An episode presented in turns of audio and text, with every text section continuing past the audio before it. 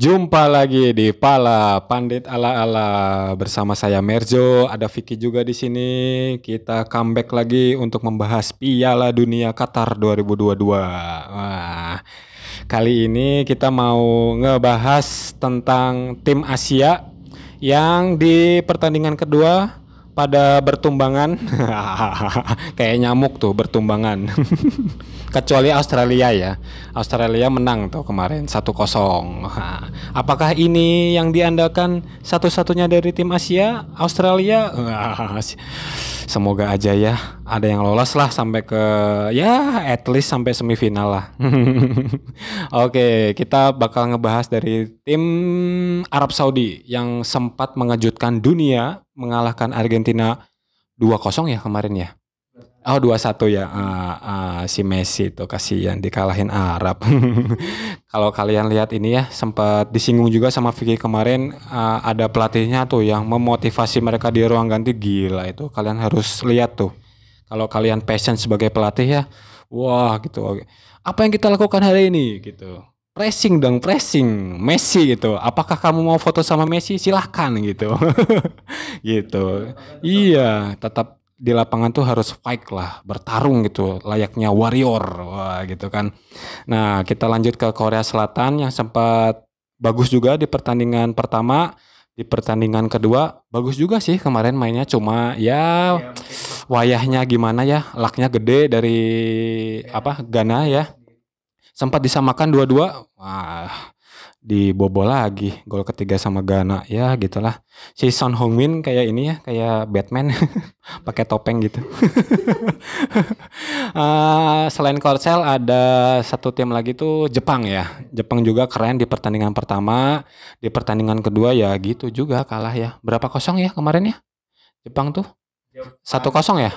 Satu kosong juga sama tim mana kemarin ah lupa lagi. Uh, gini ya apa namanya Jepang itu kan uh, masih ada potensi untuk lolos. Ya semoga lolos lah gitu kan. Tapi dari peluang besar tim Asia ya sejauh ini Australia aja sih gitu kan.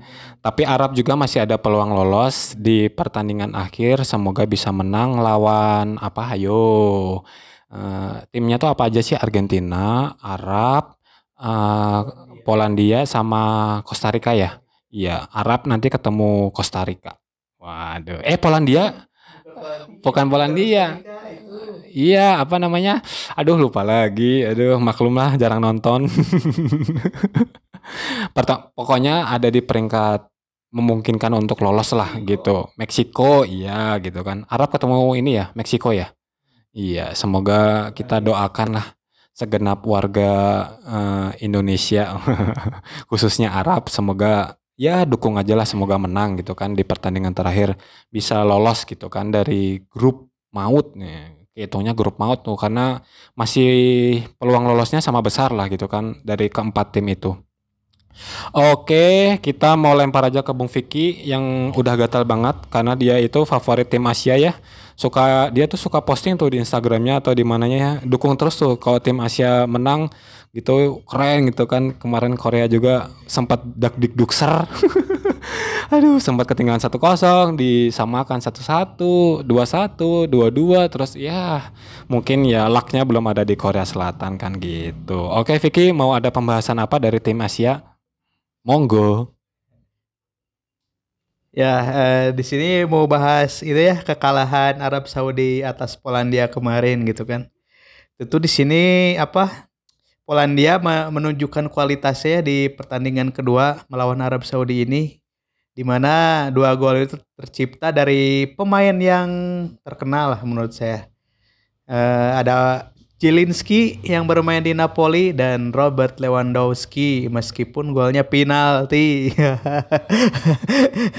Tapi uh, di sisi lain ya uh, Polandia uh, selayaknya harus menang lah melawan tim Asia gitu.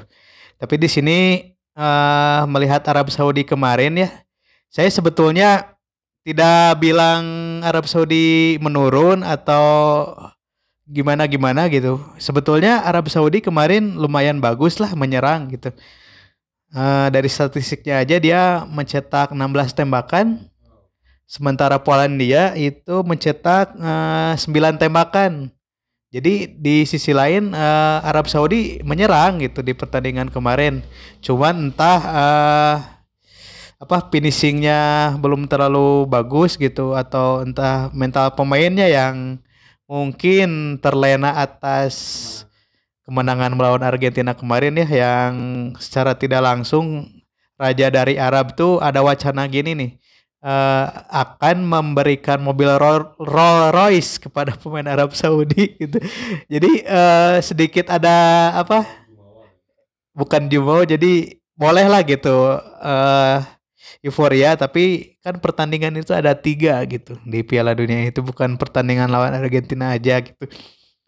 Di sisi lain ya uh, itu merupakan batu sandungan ya untuk Arab Saudi gitu dengan apa kerajaannya yang ingin mengasih mobil Rolls Royce gitu kan. Ya, ada bebannya juga sih sebetulnya gitu. Seharusnya ya jangan dulu ada iming-iming seperti itu sih sebetulnya. Karena uh, apa? Ya uh, sebagus-bagusnya tim gitu masih ada tim yang harus dilawan lagi lah selanjutnya gitu. Jadi jangan terlalu oleh euforianya gitu Arab Saudi gitu. Dan dari segi permainan di sini tentu uh, Polandia apa uh, menciptakan beberapa peluang ya uh, mungkin dari Polandia sendiri itu mereka itu tim yang pengalaman juga ya di Piala Dunia gitu di mana mereka sempat uh, kelabakan juga ya di partai pertama gitu. Tapi di partai kedua ini mereka mampu membuktikan lah kelasnya gitu bahwa Polandia ini tetap harus diwaspadai gitu dan ya ya terutama dengan Piala Dunia terakhirnya Robert Lewandowski lah gitu. Dia memiliki ambisi untuk mengasih yang terbaik gitu untuk negaranya gitu kan tentu uh, di sini good job lah untuk Polandia gitu. Uh, apa ya yang mampu menang melawan Arab Saudi dan untuk Arab Saudi saya sebagai yang apa ya yang senang juga kemarin gitu atas kemenangan lawan Argentina ya ya nggak apa-apa gitu kalah gitu kan. Ini dijadiin pelajaran aja lah untuk Arab Saudi gitu. Untuk lebih terutama mental sih bang ya, ya. untuk bermain di Piala Dunia ini ya dilihat dari perkembangan sudah ada perkembangan lah dari dibanding dari dua musim terakhir gitu di timnas Arab Saudi ini dengan masuknya Herpreneur gitu kan. Nah, gitu aja untuk apa? Arab Saudi versus Polandia gitu kan yang berakhir dengan kemenangan Polandia gitu. Oke, ya gitulah. Arab Arab juga ini sih banyak apa netizen nggak tahu juga ya netizen dari Arab atau di mana gitu ya yang jumawa sekali di media sosial gitu kan. Uh, apa ada meme gitu kan siapa tuh Lewandowski gitu kan? Apa bawa bawa gitu kan. Eh taunya kalah. Makanya jangan terlalu euforia banget lah. Nikmati aja kayak kata coach itu enjoy the game gitu kan. Uh, dukung terus support tim-tim Asia terutama terkhusus nih Arab yang lagi justru lebih bagus ya dari edisi-edisi Piala Dunia sebelumnya ya. Berkembang pesat lah gitu kan dari sisi permainan dari sisi mental gitu kan keren lah. Salut untuk Arab Saudi. Lanjutkan gitu kan. Semoga di pertandingan terakhir bisa maksimal gitu kan. Apa pun hasilnya yang penting kan mentalnya lebih terbentuk gitu kan. Uh, apa namanya perkembangan skema permainannya permainannya juga lebih mantap dan oke. Nah gitu. Oke mau lanjut ke negeri tirai bambu. Tirai bambu itu apa? China ini Cina? Negeri matahari? Ya Jepang gitu uh, uh suka filmnya nggak? Nggak suka ya? Kita suka bolanya aja gitu kan. Karena kalau kalian uh, suka Jepang kan dulu kan ada kartun Subasa ya gitu kan. Kali ini tuh ada apa namanya di depan tuh apa? Maya Oshida. Wah gitu kan. Dikiranya Subasa itu ya. Kipernya juga Wakabayashi. Andaikan mereka yang mainnya ya udah juara berturut-turut tuh Piala Dunia. Kalah tuh tim-tim Eropa kayak semacam Jerman Spanyol Amerika Latin juga, Brazil, Argentina gitu kan. Oke, monggo lanjut Jepang versus Costa Rica. Oke ya, eh, di sini akan membahas Jepang versus Costa Rica gitu. Meskipun saya tidak nonton penuh gitu pertandingan ini, tapi eh, melihat Jepang ya tidak jauh seperti pertandingan pertama yang mengalahkan Jerman gitu. Tentu di sini Jepang lebih lebih ofensif lagi ya dalam menyerang. Dia menguasai 57% penguasaan bola sementara uh, Costa Rica 43%. Di sini bisa dilihat ya bahwa uh, Jepang sangat mendominasi gitu permainan dengan taktik yang defense uh, komposisi pemain pressing yang ketat di antara pemain Jepang itu mampu dilaksanakan oleh pemainnya. Namun gitu kan, di sini balik lagi faktor luck ya di sepak bola itu sangat dibutuhkan gitu. Di mana uh, Costa Rica ini sebetulnya saya lihat uh, bermain tidak cukup bagus dan tidak efektif gitu di pertandingan babak pertama gitu terutama bahwa di, dia uh, hanya mencatatkan empat tembakan sementara tembakan ke arah gawangnya cuma satu gitu Ya, jadi bisa dilihat dari satu pertandingan itu Costa Rica ngapain aja gitu kan. Jepang aja di sini tembakan ke gawangnya oke 13 dan on targetnya dia tiga gitu. Jadi bisa dilihat nah bahwa uh, di sini SG golnya gitu expected golnya sebetulnya Jepang harusnya sudah bisa mencetak dua gol tapi balik lagi ke tadi Dewi Fortuna kurang berpihak kepada Jepang gitu kan.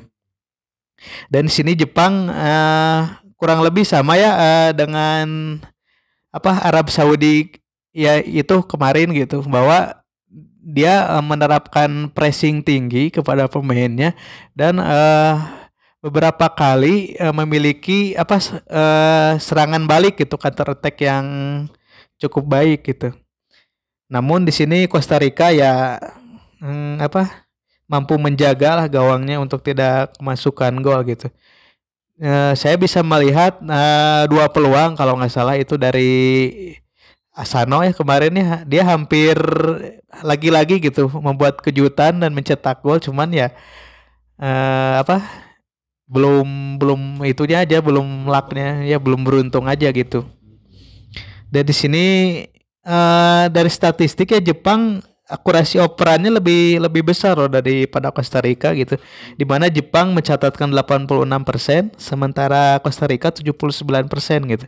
Meskipun di sini bisa saya lihat ya secara ini di tim Asia sekarang di Piala Dunia ini tentu ada kemajuan ya seperti tadi Bang Merzo sebutkan gitu. Bahwa tim Asia ini telah merubah uh, filosofi sepak bolanya di mana uh, tim Asia itu tidak bisa dipandang remeh gitu bang untuk sekarang itu ya.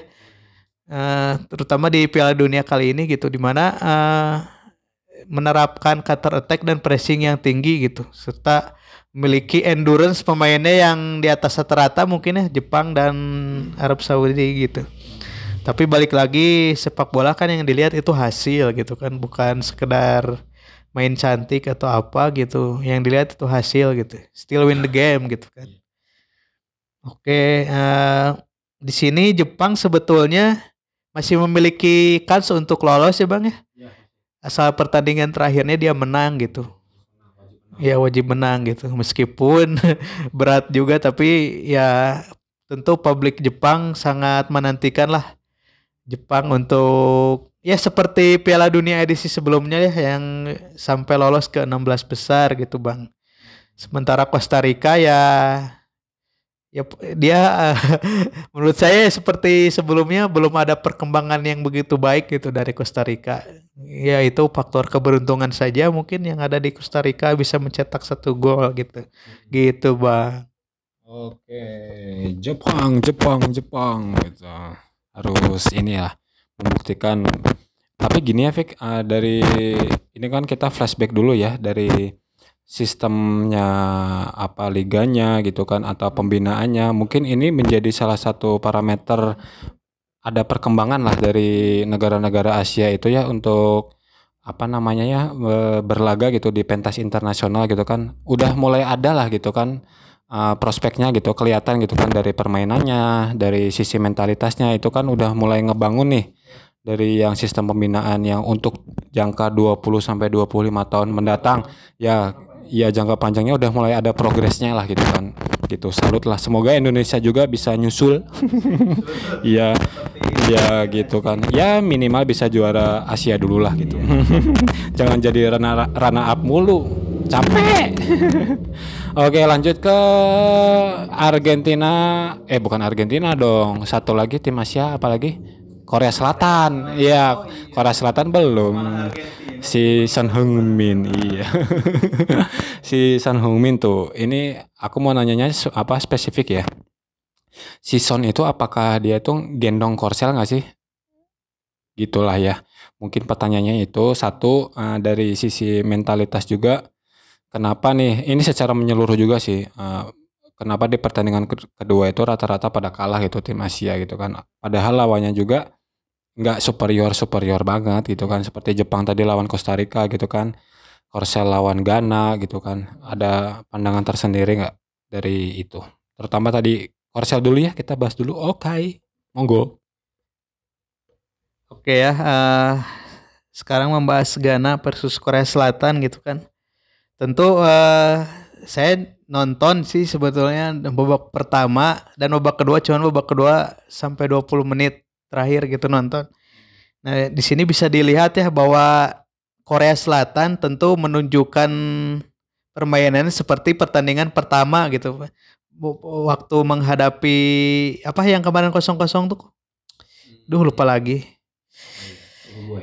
Nah, ya Uruguay. Tadi di situ bisa bisa dilihat ya bahwa karakter per- permainan Korea Selatan sekarang gitu sama seperti karakter permainan Korea Selatan di Piala Dunia edisi sebelumnya gitu. Di mana Paulo Bento di sini eh, dapat menerapkan permainan ya high pressing gitu dengan sistem counter attack juga sama seperti tadi Jepang gitu, karakter tim Asia gitu. Namun di sini bisa dilihat ya kemarin Korea sebetulnya memiliki kans untuk menyamakan kedudukan melawan Ghana tersebut gitu.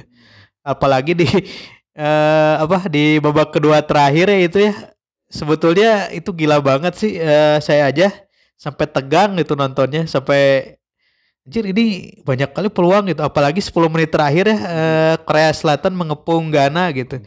Namun di situ pertahanan Ghana mampu mengantisipasinya gitu. Di sini eh, statistiknya ya eh, Korea mencet, mencap, apa, menciptakan 22 tembakan sementara Ghana 7 domin itu bisa dilihat bahwa Korea Selatan sangat dominan di pertandingan kemarin gitu. Tembakan ke arah gawangnya aja 7 sementara Ghana cuma 3 gitu kan bisa dilihat di sini bahwa eh, justru di sini Ghana yang menurut saya ya eh, sedikit kelabakan untuk meladeni permainan Korea Selatan kemarin gitu kan.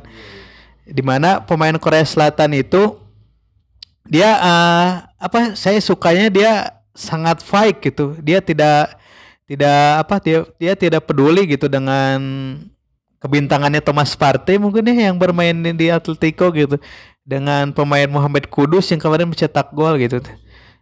Ya bisa dilihat gitu bahwa Korea Selatan mampu mengimbangi gitu dari segi statistik aja dia eh, apa penguasaan bolanya 64% sementara Ghana 36% kan itu bisa dilihat gitu. Dominan sekali gitu. Cuman ya balik lagi kata saya tadi faktor luck yang kurang men, apa berpihak kepada Korea Selatan sekarang gitu kan. Tapi sama seperti Jepang tadi di sini Korea Selatan ya identitasnya lah tidak luntur gitu di mana dia menerapkan mental yang kuat, pressing tinggi, counter attack gitu kan dengan Son Heung-min ya gitu kan. Sementara dari Ghana sendiri ya Ghana menurut saya bagus juga gitu bisa bisa apa menunjukkan ketenangannya lah sebagai tim Afrika gitu melawan tim Asia. Di mana saya sempat lihat di 15 menit akhir gitu babak pertama bahwa Ghana itu terbawa oleh arus permainan Korea juga gitu di mana dia bermain cepat juga di ma- di situ Thomas Partey, Muhammad Kudus, Jordan Ayu itu saling melengkapi gitu. Cuman ya pertahanan Korea juga bagus sebetulnya kemarin cuman ya kecolongan aja mungkin di babak kedua gitu kegolan tiga gitu sebetulnya babak babak pertama bisa dilihat lah ag- agak sedikit imbang gitu bang dibanding babak kedua nah babak kedua entah mengapa Ghana lebih pakem lagi gitu untuk mencetak golnya lebih kolektif lagi gitu. Mungkin ya itu faktor kualitas juga pemain Ghana yang bermain di Liga Belanda gitu terutama Muhammad Kudus gitu kemarin gitu. Sementara dari Korea ya ya untuk pertandingan kemarin ya apa sih segi pelajarannya lah untuk lebih fokus lagi di lini pertahanan lah gitu. Jangan terlalu banyak maju lah terutama itu Kim Min Jae sering ke depan gitu kemarin. Sehingga membuat ruang itu menjadi agak kosong gitu dimanfaatkan oleh beberapa pemain Ghana gitu kan. Gitu, Bang. Oke. Begitulah review tentang tim Asia di pertandingan kedua Piala Dunia Qatar 2022. Nah, terakhir sebelum closing, aku mau sedikit konklusi nanti bakal disambung sama Vicky tentang perkembangan tim Asia di Piala Dunia kali ini bikin ini ya surprise lah ya ke kita lah ya.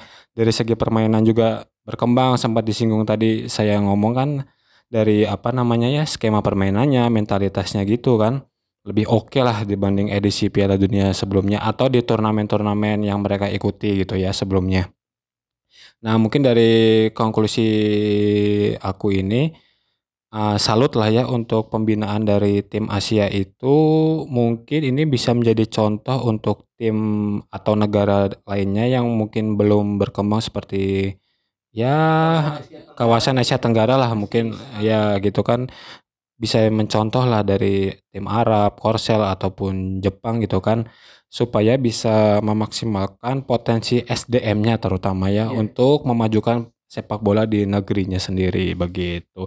Mungkin disambung konklusi dari Vicky gimana nih? Aku ada sedikit pertanyaan juga ya tentang apa faktor utama ya yang bisa membuat mereka eh, terutama ya dari skema tadi mental tadi ya bisa berkembang pesat lah gitu kan ya uh, di tahun sekarang. Mungkin di tahun-tahun depan apakah mungkin bisa menjadi lebih baik juga atau mungkin ini hanya menjadi one season wonder untuk negara Asia yang mengejutkan di Piala Dunia kali ini gitu. Monggo Vicky.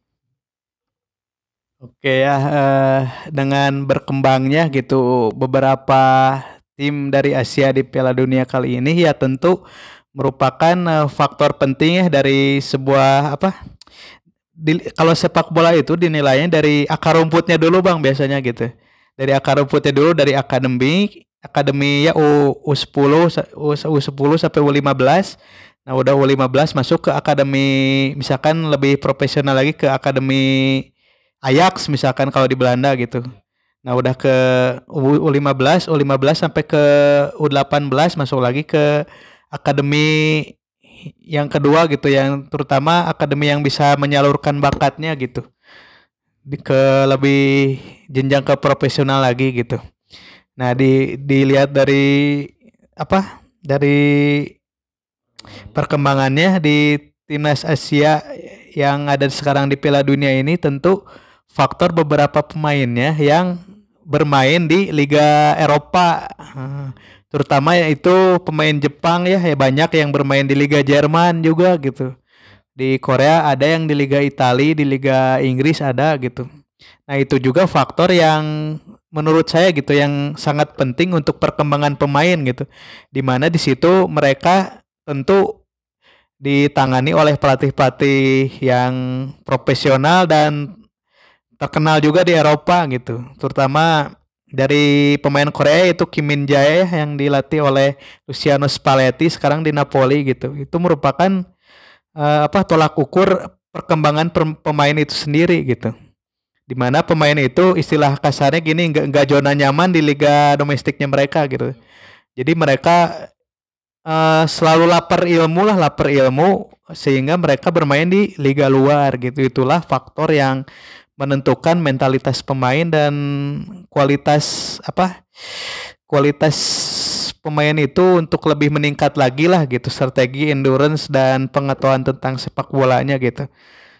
Itulah yang membuat kemajuan perkembangan untuk timnas Asia gitu terutama ada Arab Saudi, Korea Selatan dan Jepang gitu. Itulah beberapa faktor yang sangat penting lah untuk kemajuan timnasnya gitu. Karena mereka juga mungkin sudah teruji ya eh, menghadapi pemain kelas Lewandowski misalkan kelas eh, Joshua Kimmich gitu mereka sudah biasa gitu main dengan mereka jadi dari segi mentalitasku udah terbentuk lah gitu gitu aja sih.